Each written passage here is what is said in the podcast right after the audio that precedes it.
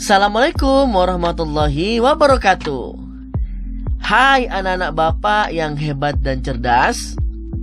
Bertemu lagi bersama Pak Rahmat dalam konten siniar atau podcast Pak Dul. Anak-anak, sebelum kita memulai belajar, bagaimana kabar kalian hari ini? Sehat-sehat ya? Yuk kita berdoa bersama menurut keyakinan dan kepercayaan masing-masing. Berdoa Bapak, persilakan. Anak-anak Bapak, hari ini kita akan membahas sebuah tema yang sangat menarik yaitu tentang keberagaman di Indonesia.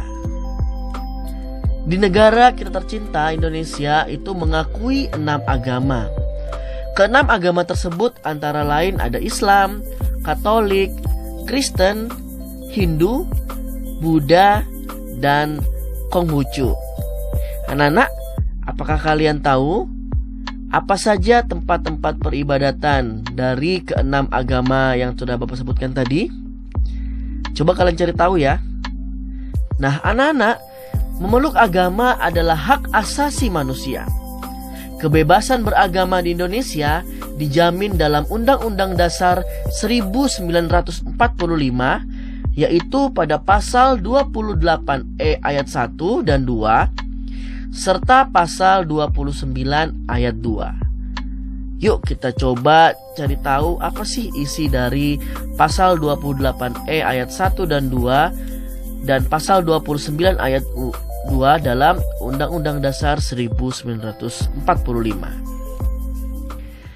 Anak-anak Bapak, selain keberagaman agama, kita juga memiliki kekayaan suku bangsa.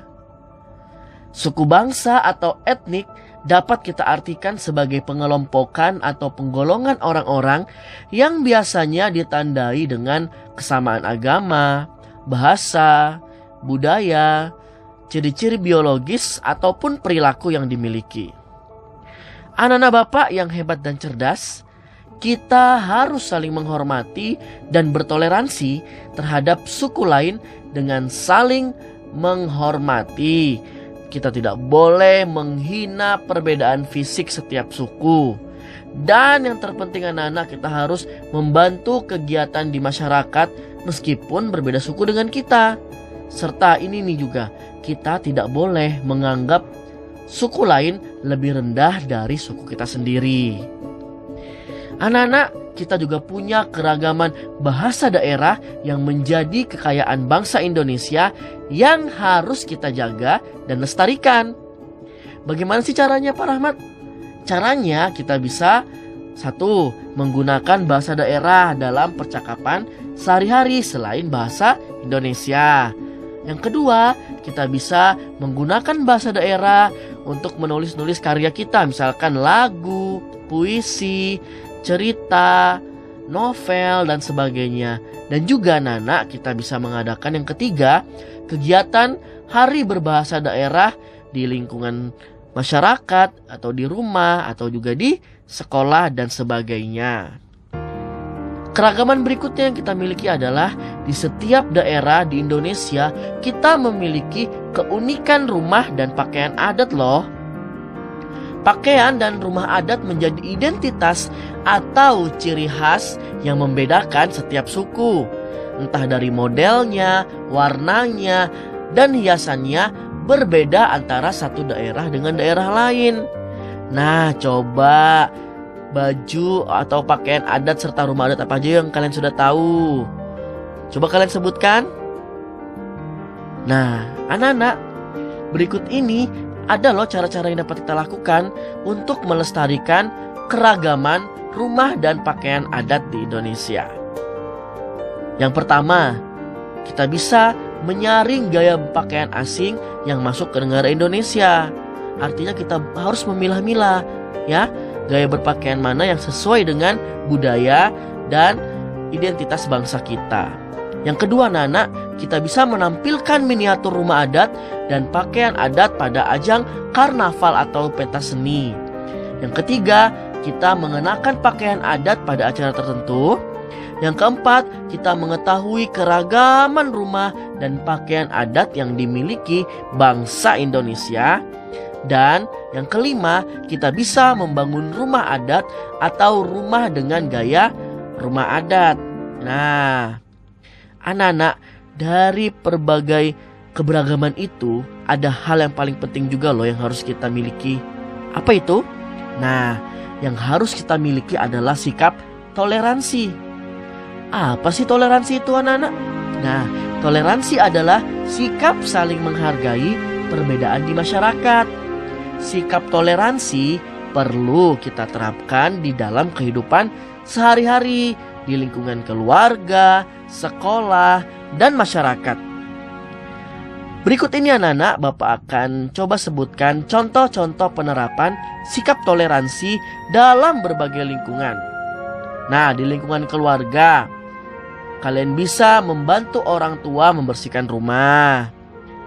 Kalian juga bisa membantu adik atau kakak atau anggota keluarga lain saat mengalami kesulitan, entah dalam pekerjaan atau dalam belajarnya.